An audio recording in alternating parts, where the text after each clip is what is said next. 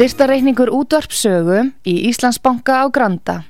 Útubú 513, höfubók 26, reikningur 2.11.11. Nánari upplýsingar á útvarpsaga.is. Takk fyrir stöðningin.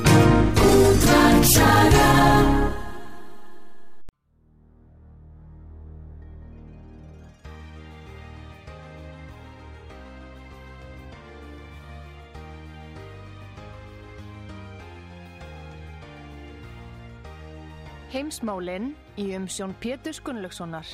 Fréttir og fréttatengt efni af Erlendum Vettvangi.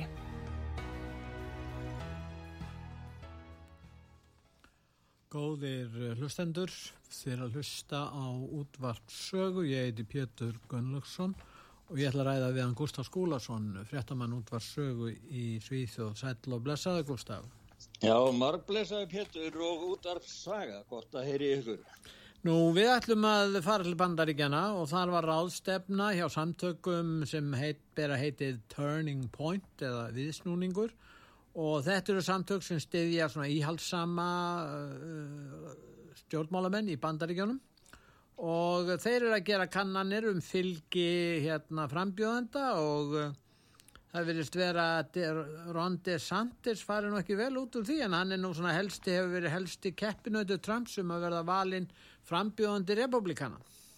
Já, hann hefur nú yfirleitt sko, DeSantis hefur nú yfirleitt alltaf haft annað sæti en í, í þetta skipti þá tapaði hann því til mann sem hei, heitir Hann heitir Vivek Rama Swami Swami, já. já það er einn af, einn af þessum það er rúmu tögu mann sem hefur gefið sér fram í slægin sko, að verða valinn sem fórsetta efni frambjóðandi fyrir republikana flokkin sko. Það verður ákveðið um þetta á næsta ári í júli á þingi republikana þá, þá verður endalega ákveðið hver verður frambjóðandi flokksins. En það eru margir í slægin og þetta verður, sem sagt, það er eitt ár sem að verður slegist um þetta núna framundan. Þessi, þessi Uh, fundur sem þú ert að segja frá uh, viðsnúningurinn það eru samtök, það heita Turning Point Action Já. á ennsku þetta eru svona hann stopnaði þetta maður sem heitir Charlie Kirk hann er svona íhals aðgerða sinni 29 ára gamal, hann hefur verið útvarsmaður hann hefur skrifað fjóra bækur og hann virðist finna sér mest í því svona að vera með umræður, stjórnmála umræður í skólunum í bandaríkjunum. Þetta er út, út með bandaríkin þetta bæði í mentaskólum, háskólum og öðrum framhaldsstofnunum. Hann las upp og þetta var nú bara kannun meðal viðstættra þeir voru með þessar áslefnandar Trump talaði þarna, Tucker Carlson talaði þarna, Steve Bannon og fjöldin allur af þertum sko bæði þingmönnum og framamönnum republikana flokksins töluðu þarna og hann, þetta, þetta er skoðanarkonni sem hann gerði á staðunum þannig að hún er nú svona svolítið staðbundi. En þessi vývekk er af indverskum uppruna og það er aðtiklusvert hver margir indverjar bæði í visskiptalífinu og í stjórnmálunum eru ferðin að verða ábyrðandi bæði í Englandi, Bandaríkjónum og viðar. Já, já, við sjáum nú fórsættisráður að breyta og, og það er sama með hennar Vívi Krama, hann er sonur indverskra inflýtjanda til bandaríkjana. Já, ríkur hann, líka, er það ekki eins og... Já, hann hefur verið fjármólamæður, hann hefur verið, og svo stofn hann eitthvað fyrirtæki, svona lækna fyrirtæki og síðan er hann komin aftur í fjármólabransan, en hann er best gegn hérna þessari stýringu með félagslegum umhverfisvendum og sko, ESG, hann best alveg gegn því. Já. en hérna ég vil heyra hvað hérna, Charlie Kirk þegar var að lesa upp Já, heyrum hvað hann segir. I don't think it's a huge surprise but the winner of the straw poll with 85% Donald J. Trump is the winner of the Turning Point Action straw poll. But the interesting question is who won, if not Trump, who would your next choice be? And the conventional wisdom would be, well, it would be, it would be the governor of Florida or Nikki Haley or Mike Pence. In the second place, if not, or who would you choose as your second choice, with 50% Vivek Ramaswamy. Já, þetta er einhvern veginn tíðindi hvað er að gerast, ég minna það verður að saka eins og íhalsflokka um það að vera á móti sko fólki af ellendum uppruna. En þannig að sjáum við íhalsflokkin og svo republikanaflokkin í þessu tilfelli. Já, já, já. Það er, það er sko alveg þetta er mikið inflytjendur og já. ég minna þeir, þeir hafa auki fylgisitt með að blökkumanna og, og þannig að það er sko, það hefur ekkert með, með neitt svoleiðis að gera, það er bara tilbúningu frá stjórnmálanstæðingum. Síðan var viðtal, hérna voru með smá hljóput, það var viðtal, sjómasviðtal við, hjá Fox við Donald Trump, hann var, hann var spurður að því sko hvað hann myndi gera öðruvísi núna ef hann verður sannsagt valinn, fórsetta frambjóðandi eh, republikana. Já hvað, hvort hann hefur lært eitthvað af því þegar hann var fórsittið 2016 og myndi gera eitthvað öðru vísi það var svolítið aðteglisast að hlusta á það Já. það er á hljóðbútt hjá If there's anything that you could look back on yeah. in 16 that you think maybe you want to do differently this time around. I put people in, I was there 17 times in Washington, D.C. in my whole life, okay? I never stayed overnight, ever. And then all of a sudden, I'm the president of the United States. And it's like a different society. I was New York, and, you know, it was a different thing. So I didn't know people. I became president. I'm riding down Pennsylvania Avenue with our first lady. I had 250 motorcycles. I had armies. I had everything. I said, Do you believe it? We're president. Take a look. This is wild, right? But I never was involved in that. And so you didn't know what to expect. No, no. I, well, I didn't know the people. I know the people now better than anybody's ever known the people. I know the good ones, the bad ones, the dumb ones, the smart mm. ones. Já, hann segist að það var kynst í að vera fórsiti hvernig ástandið og, og hvernig menn haga sér í Washington fólkið og annað en hann vissi það ekki áður en hann fór þarna í, í stjórnmálinn því hann, hann er í raun og verið hefur ekkert verið í stjórnmálum áður. Nei og hans, eins og hann segið það hann hefur aldrei sofið eina nótt í Washington og bara komið ánga 17 sinnum þegar hann fórseti sko, og hérna þannig að hann er núna segist hann alveg gjörsamlega vita hver, hvaða fólk hvað fólki stendur fyrir sem er í Washington.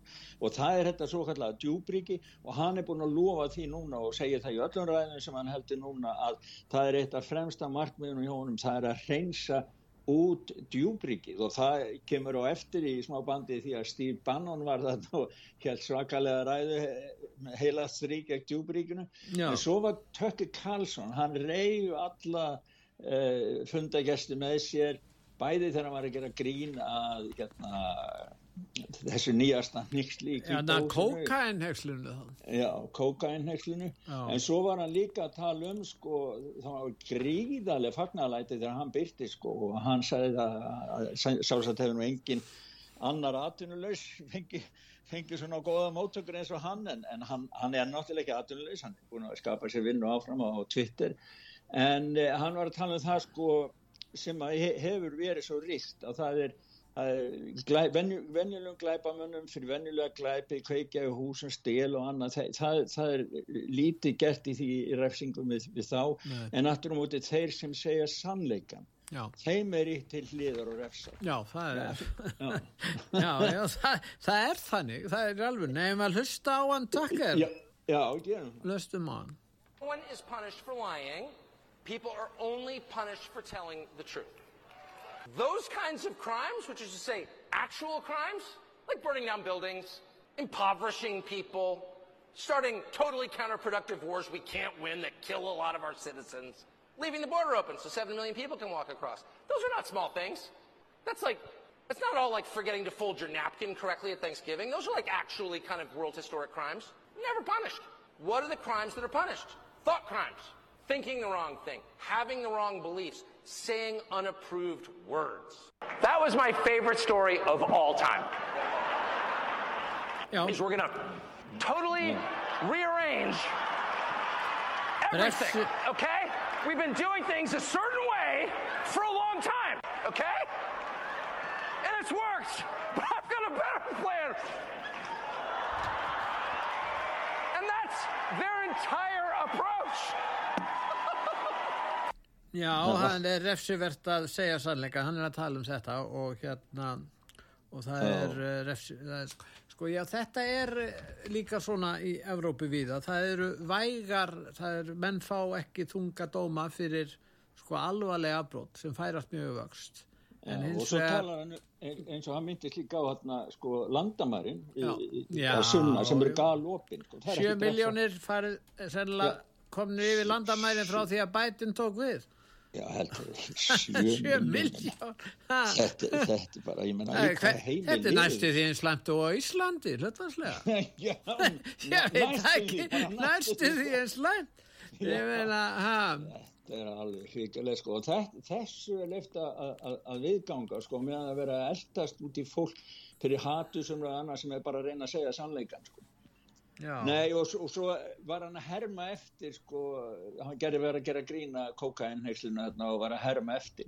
En það var annars sko, fórseti þingsins eh, McCarthy, hann hérna hann var í viðtali líka í bandarísku fjölmjölum og hann lístu nú öðruvísi áhyggjum af, af því sem er að ski þessi nexli sem er að ski í kvítahúsinu og svo var smá kemur Steve Bannon þar og eftir honum með, með smá hérna Við skulum hlusta á það báða bæði Já. McCarthy og svo Steve Bannon If they can't tell us who brought it What else is happening in the White House they can't tell us about? What else is coming into the White House they can't tell me about? That even concerns me more now. We don't have time for a diversion. We need to be focused right now on the election apparatuses in Wisconsin, Georgia, Arizona, and to get behind Donald Trump and get serious about taking this country back. This is a crusade. This is a holy war against the deep state. Já, það var McCarthy var að tala um það að, að, að það væri slemt að viti ekki hver kom inn með kókainið og uh, Steve Bannon hann er að tala um heilagt stríð gegn djúbrygginu, hann er nú lengi búin að vera í heilagu stríði sjálfur við djúbryggi á ekki að fara að senda hann í fangelsi? Var hann ekki ákærður fyrir það að hafa tekið einhverja peninga og Já, er, búið að fella það niður, ég veit það, það ekki. Já, það er svo mikið sem að gengur á sko, það er svo hart barið sko. Er, og mikið af eh, alls konar hlutum í gangi sem bæði sannir og lognir sko En, en hann er mikill svona barátumæður, enda er hann líka með strís herbyrgi sitt og alltaf með fólki viðtalið þar, með eigin þætti sko á netunum. Já. En hann, hann er mikill barátumæður, en hérna... En ef við förum eh, að skoða hvað er að gerast, hvað alla bandaríkjaman sér núna í Úkrænu og hvað er að gerast í stjórnbólum bandaríkjana, við tekjum mann eins og Robert Kennedy, svonur gamla Robert Kennedy sem var myrtur 68, dómsbólur á þeirra, hann gaggrínir mjög, hann er í demokrataflokknum, menn gaggrínir samt fórsetan hallega, segir hann sé bara veruleika fyrst.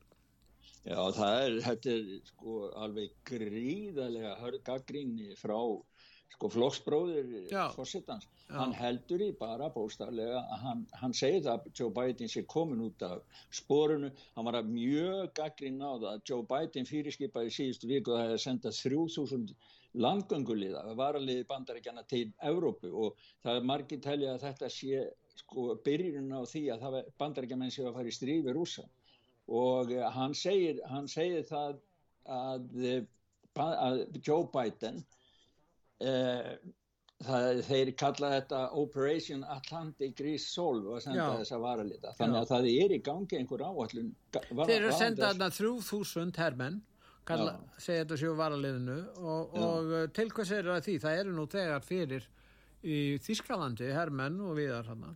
Já og viðar sko, hann er alltaf að bæta át en hann Já. segir sko, sko þetta er afstæða Kennedy svo sko að það hafa hundruð þúsund úkrænska ungmenna þegar tínt lífinu uh, vegna þess að valdhafa bandarísku utanrikistefnunar stefnunar hafa tallt land þeirra í stríð til að uppfylla eigin hegóma og tilgangslausan globalískan draum og frekar en að viðurkenna mistökin þá undirbýr bætin stjórnin sig fyrir að fórna bandarískun lífum líka. Þetta er bara bein tilvittun í það sem er í orð Kennedy sjálfs. Þannig að maður sér hvað þetta er gríðarlega skipta skoðanir. Demokrater, þegar ég held að þeir séu bara að klopna alveg hindi.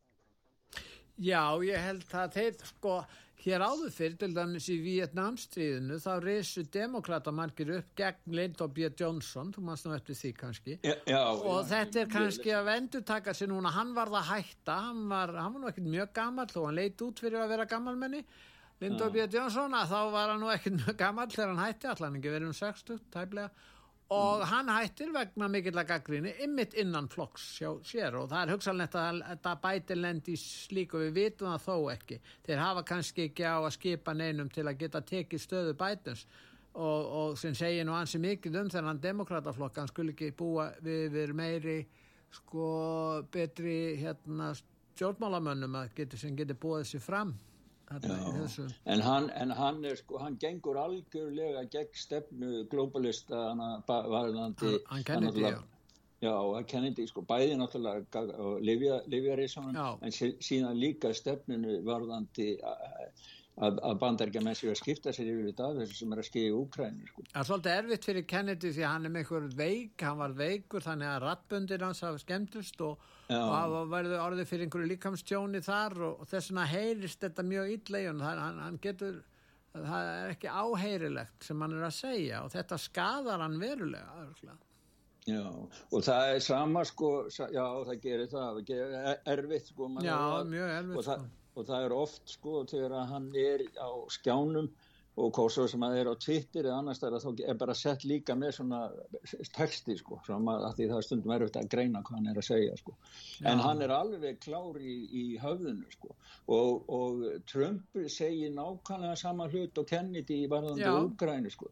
Og hann kallar þetta bara brjálaði stríði Úgræni og, og, og segir bara að, að bætin sé að og bara fara með heiminn á, á bara brún kjarnorku hann tók sko, sérstaklega fyrir klasavopnin en það það sem spurningin er þessi. Sem er að mm. halda því fram að rússar hafi beitt klasavopnum og þess vegna megi beita. En það vilist ekki vera. Nú segir Lavrov og Putin enda líka að ef að uh, þeir munu beita klasavopnum sem þeir eru að farnir að gera sennilega að þá munur rússarnir svara með því að beita klasavopnum gegn Úkræn líka þannig að stigmagnunin er að eiga sér stað og, og það sem að Trump er hreinlega að segja stöðum þessar blóðstúthellingar bara tafa löst hættum Já. þessu, semjum Já. um þetta hættum Já. að sjá þetta svona og, og hann og viðtal við hann hann og að tala líka um, um kókaini hjá fósittanum eða það fannst hann að kókain og hann segir ekki hægt að hafa fósitt á kókaini með umsjón sem stjórnar kjarnorku vopna búri bandaríkjana mm. Já, og hann náttúrulega sko, fer gegn bætin, hann býst því að bætin bjóði sem fram aftur og verði, verði fulltrúð demokrata þannig að hann náttúrulega rýfur hann alveg í tællur, en við skulum aðeins heyra, heyra í um, um Trump, já, þegar hann talaði þetta. Ja, uh, uh. What is your reaction when you see cocaine in the White House. Can you even believe that's possible? Well, you saw I put out a truth. I know most of your people are on truth because I think truth is better than anything out there. But I put out a truth. It's, it's in my opinion, it's Hunter and probably Joe. Because, you know, you watch right. Joe at the beginning of his speech, and he's got a little life. Not much, but he's got a little life. By the end of the speech, he's a disaster. He can't even find his way off the thing. So there's something going on there, and I wouldn't be surprised if it was for both of them. I think it's for both of them, but that's yeah. my opinion. Já, hann heldur að það sé ekki bara Hunter Biden sem er í kokain, heldur líka Kallin. Hann byrjir ræðuna sína bara sæmila vel, en svo haldi hann ekki út.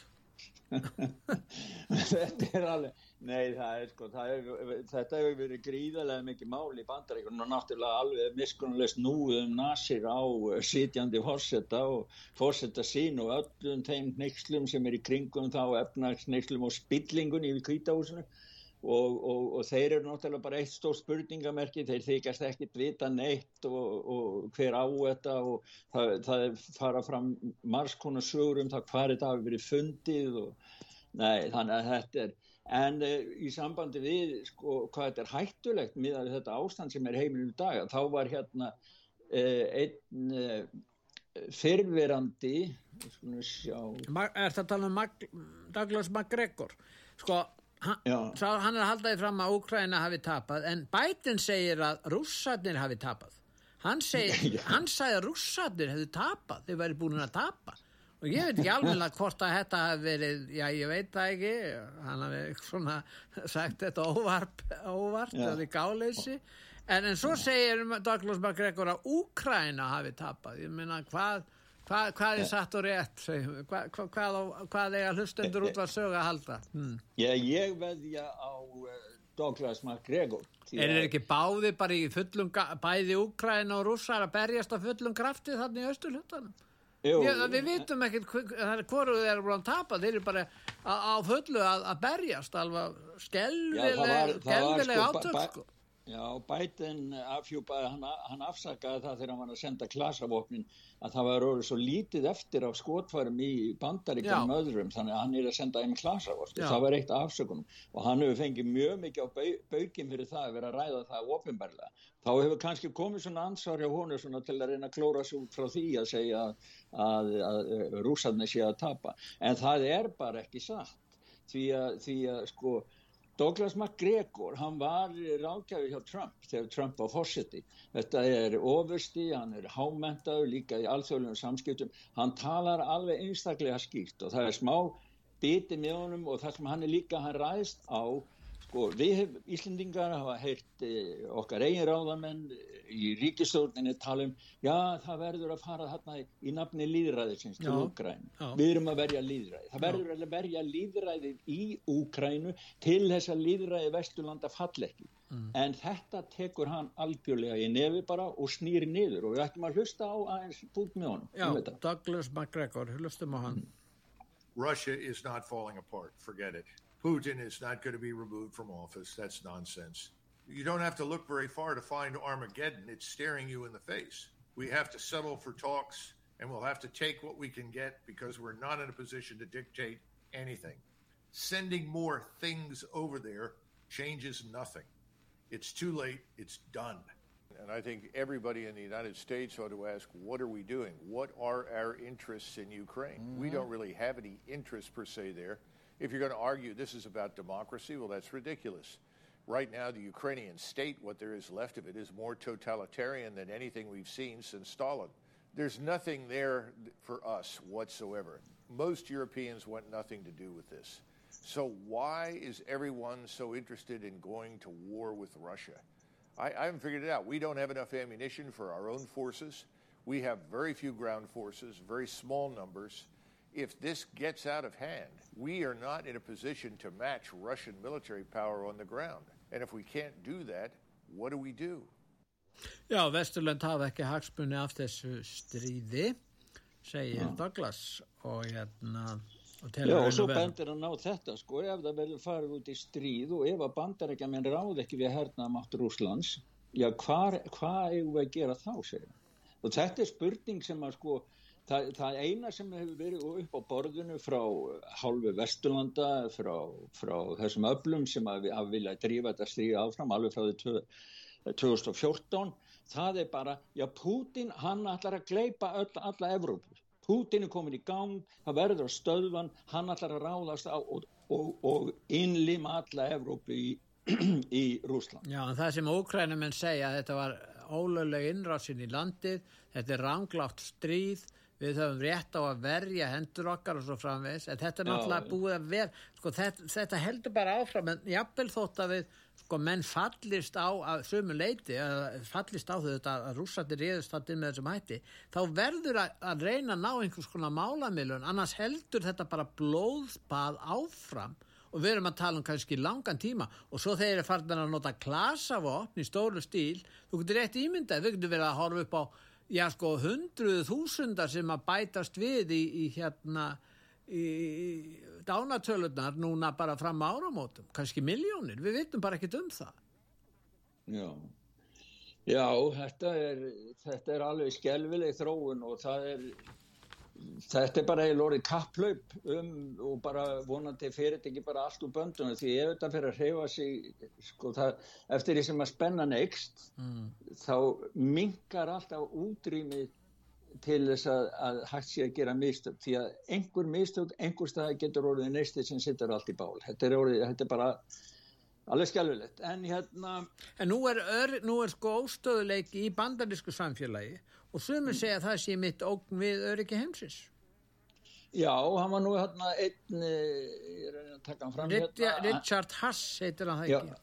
Jú, Richard Haas hann er leitói einnar áhrifamestur alþjóðlegu hugveitu bandaríkina CFR kallar hann þess Council Já. on Foreign Relations utan ekki sraðandi og hann bara hætti þarna núna í, ég held að veri fyrir sumar.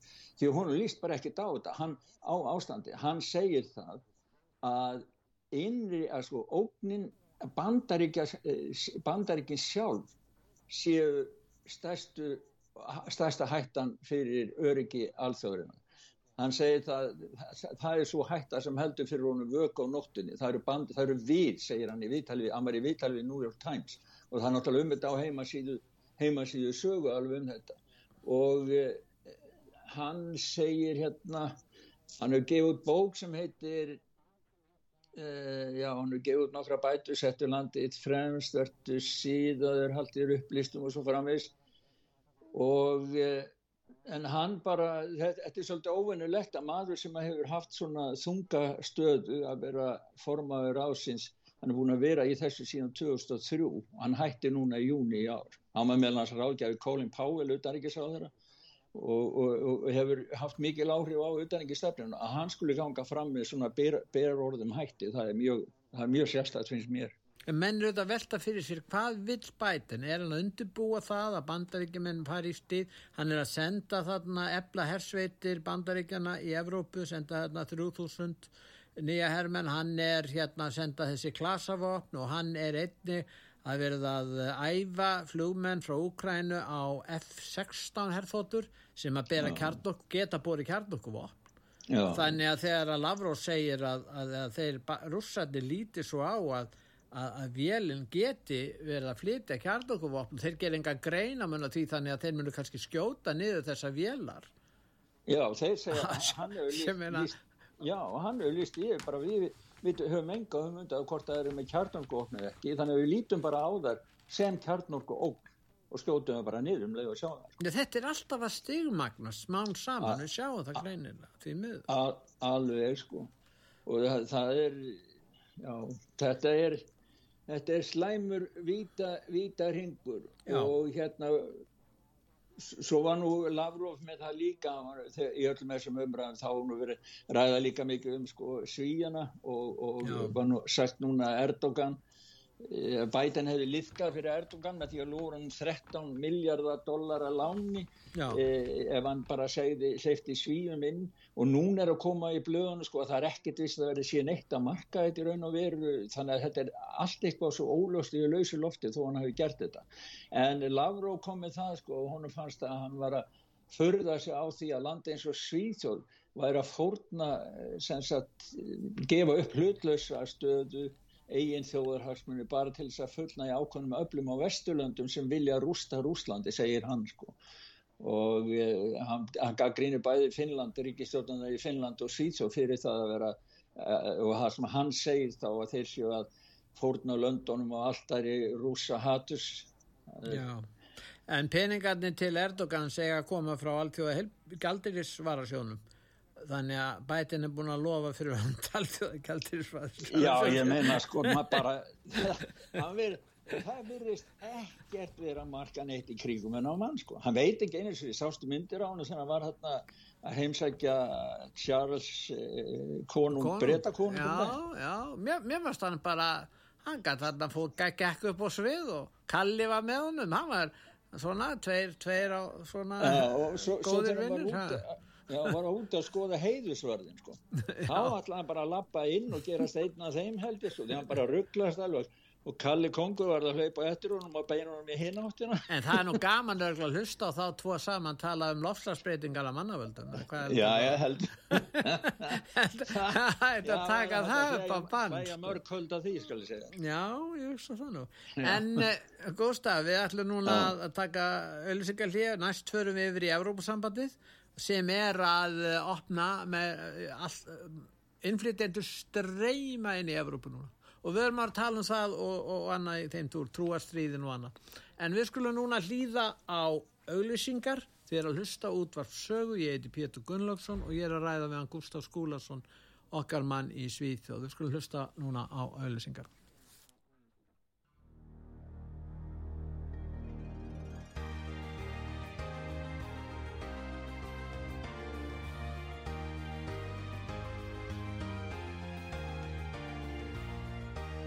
Heimsmálinn í umsjón Pétur Gunnlaugssonar. Fréttir og fréttatengt efni af Erlendum Vettvangi. Góðir eh, hlustendur, þeir að hlusta á útvarpsögu. Ég heiti Pétur Gunnlaugsson og ég er við hann Gustaf Skúlason, eh, fréttamann útvarpsögu í Svíþjóð. Gustaf, eh, Já. nú er um, Pierre Brocang sem er fyrirverðandi yfirmaður frönsku leinin tjónstunar segir að Frakland get ekki lengur verið opið land og segir að óeirðirna sem hafa verið í Fraklandi séu þar vestu eftir frönsku byltinguna og tengir það við innflytjanda stefnu Frakka. Já, þetta er, hann hefur mér skilst að hann hafi verið talsmaður og gaggrín, gaggrínandi á stefnu yfirvalda í, með hóflösa innflytning fólks og fyrir utan Evrópu og annað inn til Fraklands og hann er að lýsa, kemur fram núna eftir að það verist aðeins slakað á öllum þessum óerðum sem að voru í Fraklandi núna, þar sem að við sögum frá því síðan sko hvernig þeir höfðu, eitt lörgum að segja frá því að þetta væri ekki neinn venjuleg mótmæli því þeir, það hefði verið hópu hófs þarna sem ætlaði að drepa lörgum og Já. hann segir það þessi Pierre Brochamp fyrirverandi yfirmaður fransku leinithónastarinnar að í viðtali við Líf Fígaró Hann segir ofinbært tölfræði bendi til þess að ekkert sambærilegt hafi gerst í frönskum borgum eftir byltinguna 1789 eða nokkrum vikum eftir byltinguna. Já. Þannig að sko, sko það, það er, ég held að það sé bara fjölmjöla hafa, sko venjulegi fjölmjöla hafa ekkert verið allt og duglir að segja frá þessu eða, eða reyna að skýra hvað þetta er. Uh, en hann segir að hann skilgreinir þetta ástand sem uppreist eða byltingu gegn franska þjóðríkin og verulegi hluti ungmenn af erlendum uppreða stóðu fyrir þeim á einsum yfirraðsvæðum landsins.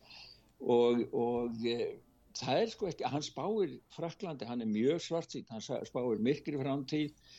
Er ekki sér sagt bara mjög doktri framtíð fyrir börn okkar og barnabörn segir hann í, í, í, í viðtalinu sko Já, það eru fleiri og fleiri farnir að ræða þessi útlendingamál. Uh, Morgin er til dæmis með leiðara þar sem að vísa meðan annars í, í Augmund Jónasson fyrirverðandi innan, eh, innaríkisráður eitthvað og ja. hann var að fjalla um íslenska menningu og íslenska tungu, hann Augmundur og ja. sæði meðal annars allt þetta er nú í hættu einfallega vegna þess að svo fjölgar okkar eigaskeggjum að heita má hlustaðu nú, að heita má að veri sér að skipta þjóðinu út að losa landið við fyrri þjóð og fá nýja í staðin, segir augmundur. Þetta nákvæmlega sem er að skeja núna og við erum að tala um, það er áframhaldið áfram að skipta út íbúum ESB. Þetta er bara kjarni málsinn og þetta er það sem að margir upplifa og, og þess vegna, þetta er líka ástæðan fyrir því þeim viðbröðum það sem er að koma fram flokkar sem að sömu hverjir hafa byrjað bara með þess, þetta eina málefni að, að stöðva þessa stöðva þessi íbúaskipti bara segja það hreinlega út. Já, hann, skrifa, skrifa hann það já, hann, hann augmyndur já. Já, hann, þetta er nú mjög aðeins það sést svo skilt á Íslanda að því Íslandi er svo lítið samfélag. Þetta fyrir meira döli svona tanga til að koma upp svona eins og bæði páska uppreysni hérna í Svíþjóð þar upplöðu lögum en líka að það ætti að drepa, drepa þá og svo þetta sem hann var að segja frá í Fraklandi þetta er náttúrulega, hann segir það Pierre Brosand, hann segir það það verður að þvervenda stefnunni í innflytjandamálunum en kannski er það orðið þegar orðið á seint En Európusambandið sem vil stýra þessu ætlar að halda bara áfram að flytja. Nú er það mörg land sem að neyta þessu eða nokkur land, það er eins og Ungverjaland og, og Pólland og, og það eru að verða meiri og meiri anstað við þetta Ítalíu til dæmis og, og, og Greiklandi og þessu löndu sem eru búin að lendi í verðlum erfileikum út af þessu. En Viktor Orbán í Ungverjalandi segir til dæmis, hann neytar að virða áallun, viðkenna áallun ESB um að, að hvert ríki taki við einhverjum kvóta sem að framkvæmdastjórn eða einhver miðstýrt afli í Evropasambandinu stýrir og hann neytar þessu og síðan verða það sekta eða kannski reknir út af Evropasamöndinu, ég veit það ekki hvað heldur já, já, það er sko, það er algjörklopningur en þeir eru að hefna sín sko, það er hann, hann rak George Soros lefti honum ekki inn í landi með háskólan og George Soros hefur dælt inn peningum í Europasambandi allavegna pólitíkina, allavegna globalistana sem að vinna fyrir sig og, og þannig að það er alls konar það er svo mikið krigum þetta og svo komast þeir ekki að þeir, hann er með fjölskyldustefnu sem passar ekki í þessu víðáttu frjálslindi sem er annar staðar á, á, á Vesturlöndum. Ja, þannig að þeir, þeir, þeim er mjög illa við en hann segir bara ákveðið bara stendur upp og segir að, að þeir í Ungarlandi þeir alla að verja sig ekki bara gegn ólöglum innflytjendum og, og mannsmiklurum heldur einni gegn Brussel og þeir munu gera það. Þeir ætla ekki að láta Európus sambandi byggja það sem hann segir farand fólk getto eða útkverfi eða flottamannabúðir í Ungar. En Európus sambandi óttast ekki bara þetta, þeir óttast fólkið í Európu, innan Európus sambandsins vegna þess að þeir hóta að loka samfélagsmiðlum miðlum ef að þeir geta metið það svo að þessir þessi umræða á samfélagsmiðlunum valdi einhverjum félagslegum óróleika og þá geti loka miðlunum eða heimta það að, og, og sekta þessa miðla líka og, og síðan er þeir með eins og ég segja við erum með lið sem getur grípið inn í þetta alltaf sé eitthvað lörglulið sem þeir eru með tilbúið. En þetta er yfirlýsingu um það Gustaf að þeir eru hrættir við umræðina í samfélagsmiðlum þeir er alltaf að stoppa þetta.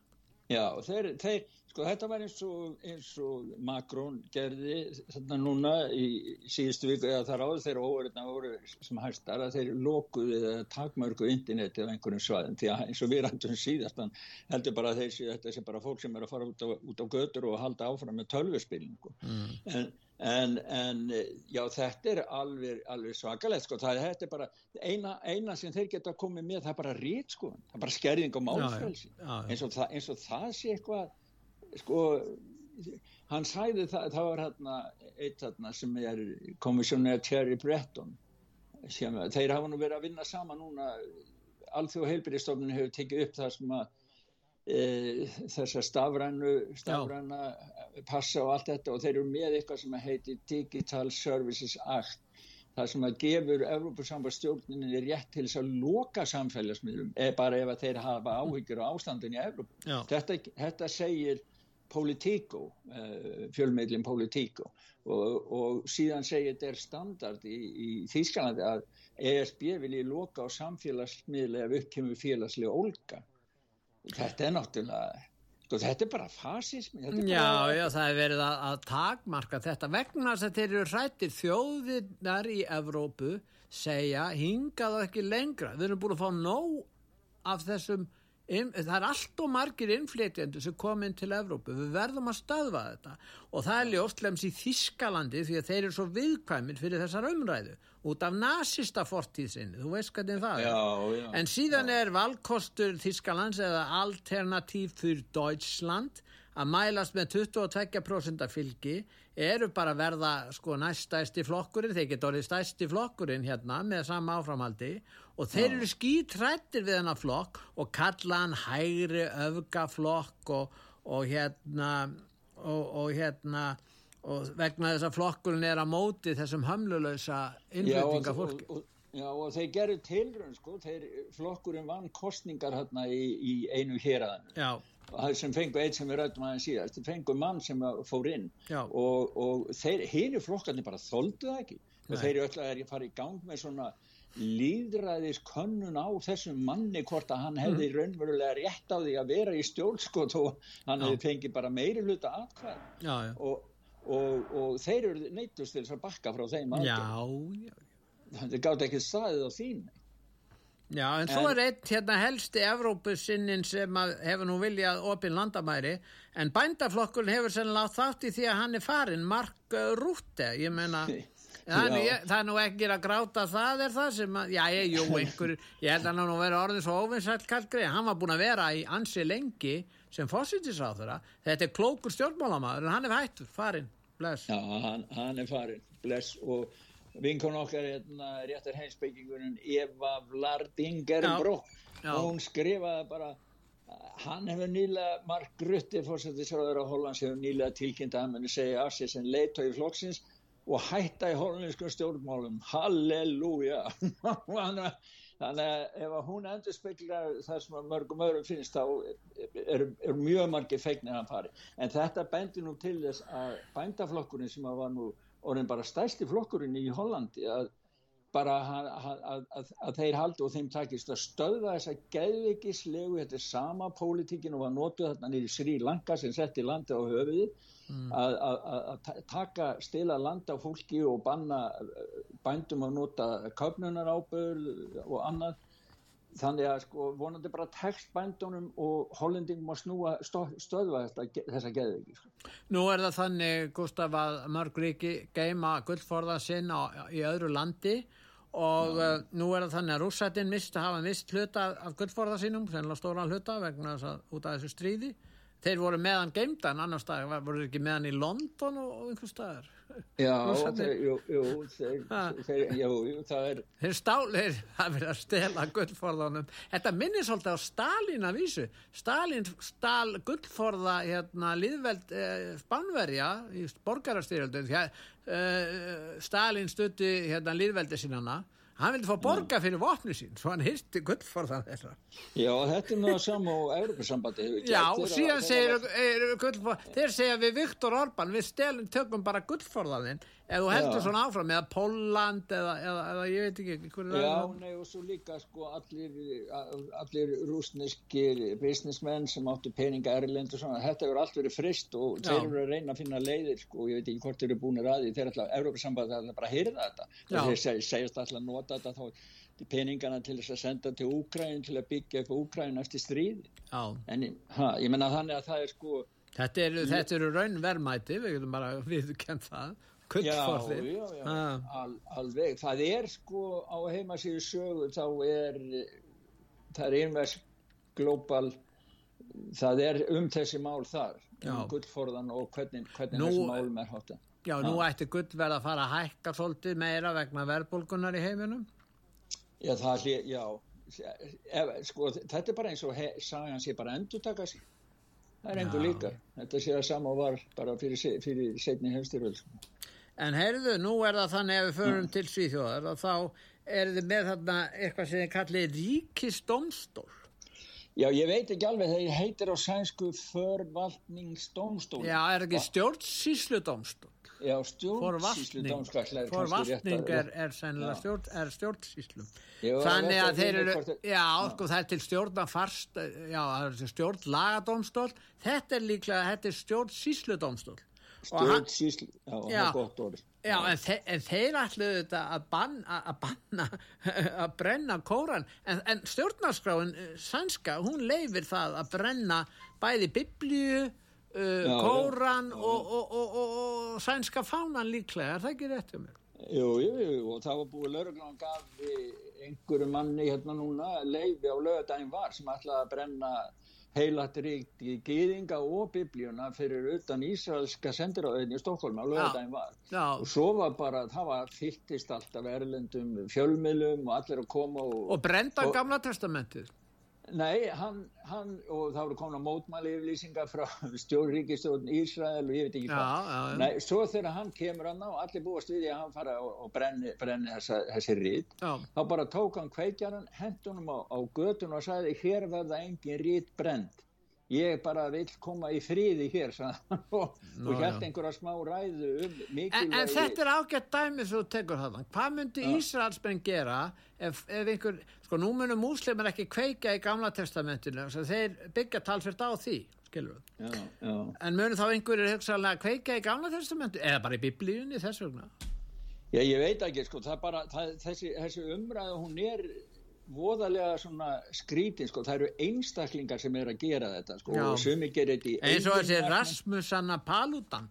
Skrít, skrítin áhengi ég skil ekki akkur að menn er að kveiki svona trúaritum, en þetta er löglegt og þetta er hluta tjáningafrelsinu ég lít svo á að þessi hluta tjáningafrelsinu að fá Já. að brenna bækur. En það hefur verið svo mikið sko einni síðst og því að sko núna til dæmis var einni hérna eh, Kuveitríki við Persaflóa þegar það panta 100 eintök á kórunum á sænsku Já. sem hefur verið dreitt til bókasafna og, og skóla og annað henni í Svíðu til þess að kenna svíðum að, að skilja umverðalendi í Íslam Já, já. en viðbröðin sko annar staðar í öfgaíslamska heiminum það er alveg hræðilegt því Al-Qaida hefur gefið út yfirlýsingu og, og, og sagt og hvetur alla múslima hvar sem er í heiminum til þess að hálshögva svíja hvar sem er í heiminum. Þannig að það er sko, þeir eru búin að lýsa yfir heilu stríði á alla svíja, alla sem eru sænski ríkisborgar.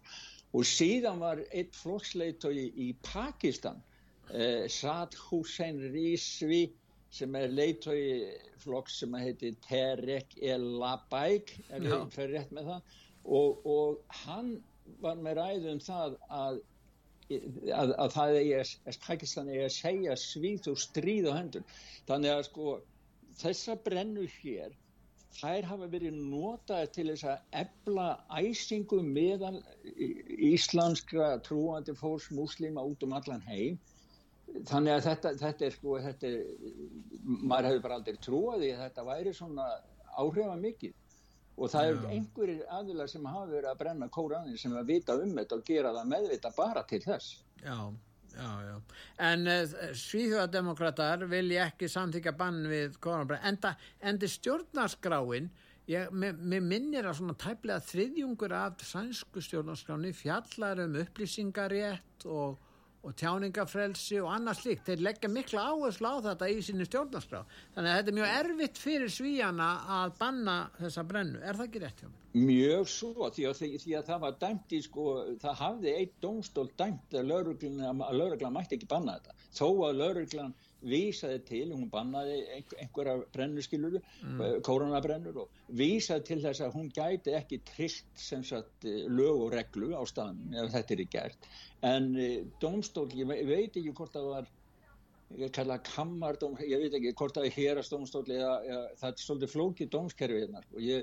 En það var einhver dómstól sem að dæmdi þá lauruglunni gegn lauruglunni og þannig að þetta, sko stjórnarskráin segir þetta en núna er búið að ákveða út af öllum sem æsing í músliðsk, þetta er svo mikið pólitist hittamál Já. að þá ásens að e, stjórnsýslu dómstólinn eins og þú segir. Nei, það var gott að vita, ég vissi ekki ég held kannski að þetta væri einhvers konar landstómur eða svona ríkisættur þannig að maður mjög gott að fá það á hreint sko Ég myndi Nei, vilja hafa svona stjórnsísjadómstöður hérna á Íslandi, þetta væri mjög gott sko, því staðan fyrir að hafa stjórnsísjulögin sem að svona, þannig að breyta þeim og koma á stjórnsísjadómstöður, þannig að þetta er gott hjá svíðanum að hafa þetta, en heldur að stjórnsísjadómstöðurinn muni banna brennuna? Já, það, það, sko, stjórnsísjadómstöðurinn hann er skipaður dómurum sem eru valdið pólitíst Þannig að maður veit ekki hver útkomun úr þessu dæmi að það er allir dómar af allir pólitísk er, er það allir allir pólitísk ég meina það er alltaf einhver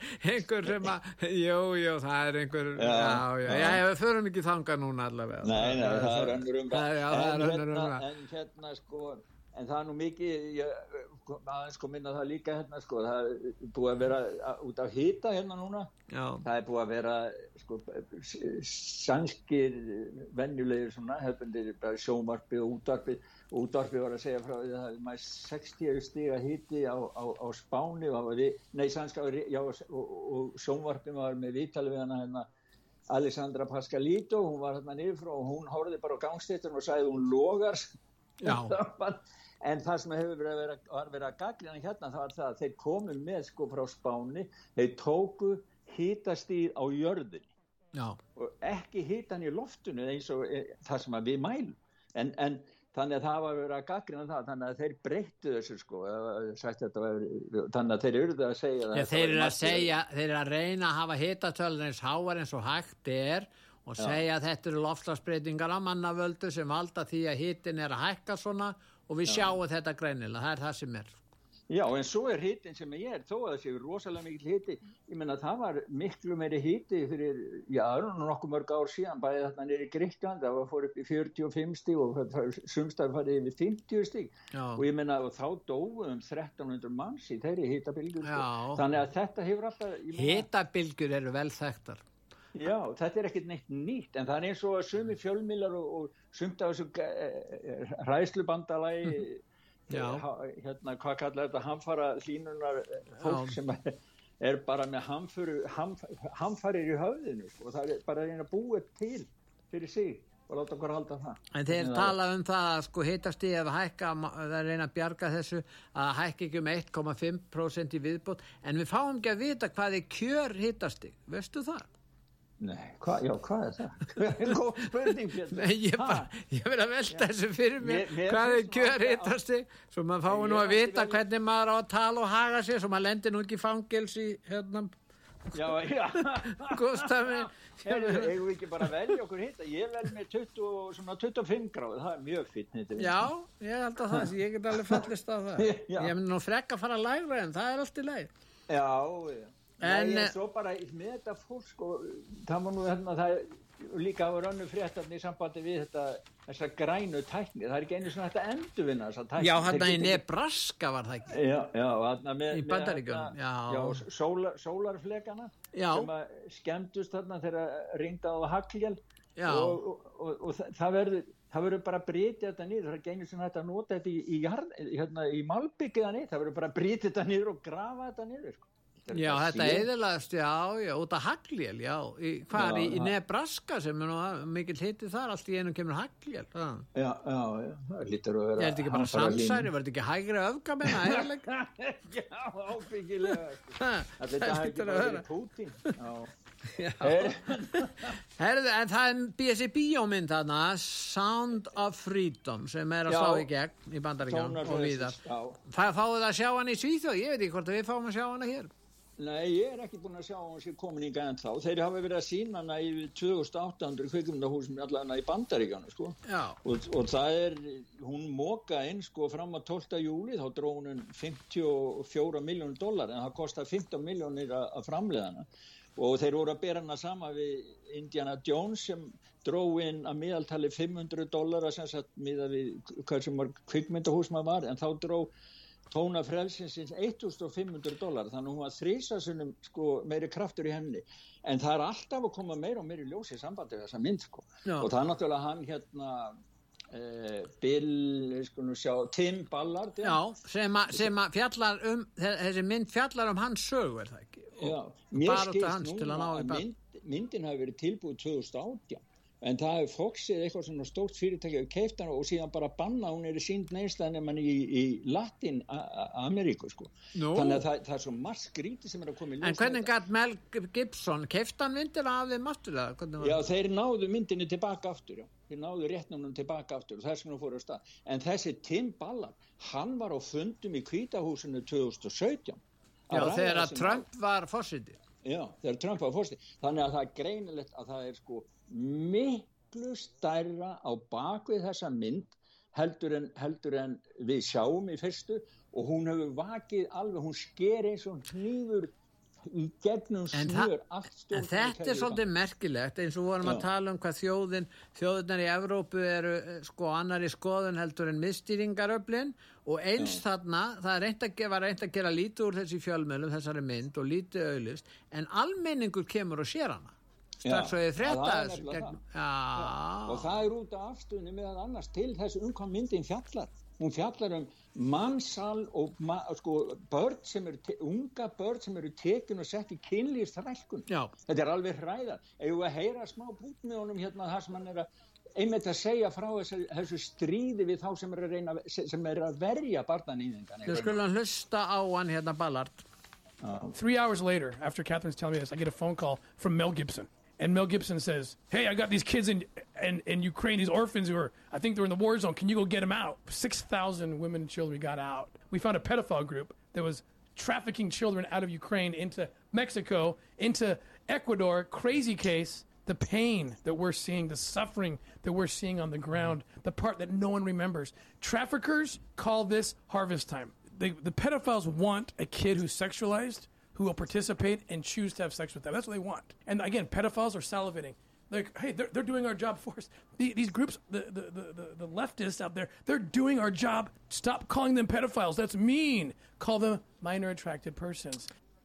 Já, sko, hann er auðvitað að segja frá því að, að Mel Gibson var að hjálpa honum í sambandi við það að börn frá munaðalösum, já, munaðalösishælum eða, já, stofnunum frá, í Úkrænu Úkrænu, já að 6, það voru 6.000 sem að komast en þeir eru sendt frá Úgrænu til Mexiko ja. og þegar þeir komið til Mexiko þá er þessum börnum smiklað yfir landamæri bandaríkjana sem er nú engi vand að fara yfir, þetta er nú halv opið þarna yfir í bandaríkin. Og það er að vera að tala um fleiri hundru þúsund börn sem að ekki er vita hver eru er raun og veru án fyldar Mm. og svo eru rússar núna þeir voru að banna, að lýsa því yfir að þeir ætla að banna með lögum sko svona kynleirreitingar og þeir ætla að flokka barnan í sem sjúkdóm bara. Þeir kalla þetta alls saman sjúkdóm bara. Já, kalla þetta bara sjúkdóm sko, nei, þetta er það er, dú, það er dúmann sem er að gera það í, í, í Rúslandi já, já þannig að þetta er, við hefum eftir sko, eftir að ræða þetta mál. Ég finn það alveg á mér Pétur við, við verðum að, að fá þessa mynd hinga svo fólk getur séð hvað er að gerast varandi mannsa, þetta er einhver viðbjóslegustu glæpir sem hafa átt sér stað og, og hérna og er að eiga sér stað. Og, og auðvita getur allþjóða samfélagi fyrst að á að fara að skilja einhverjum álangri, ná samkómulagi um að um að berja skekk þessu. En við ætlum að, að hlusta á hérna hljóðbút Það já. sem að, býtu við, þú er að lýsa þessu, hvað er næstu? Já, ég skal lýsa þessu. Það var í vikun ákom fréttum það að það hefði verið sorskar á þröskildi alþingist. Þannig að ég, það kom, ég fann lag sem ég fannst bara sem að vera, bara hlýta verið að kynlegi ráðhæra kórin á Íslandi sem er að fagna þorskum á þröskildi alþingist á innlensku máli, þetta passum nú það sem við varum að ræðum það sem Augmundur Jónasson var að skrifa. Já. og setni hlutin er lag úr, útur úr nýju lagi bandaríska sannleiksbrengjana um kókaini kvítahús Já, meira það erðu við bara. Við hverjum núna Gustaf þakka þér fyrir. Pétur, og hverjum til Íslands. Já og ég þakka hlustundum út far sögu fyrir að hlusta. Verið þið sæl uba sat sat. Bahuya bahuya ba baha huya ba ba nam nam onam. Haba haba sut sut. Eba uba sat sat. Bahuya bahuya ba baha huya ba ba nam nam onam. Haba haba sut sut. Eba uba sat sat. Nam nam. Haba haba sut sut. Eba uba sat sat. Ba nam nam, ba hoo ba hoo ba ba hop hoo ba nam nam.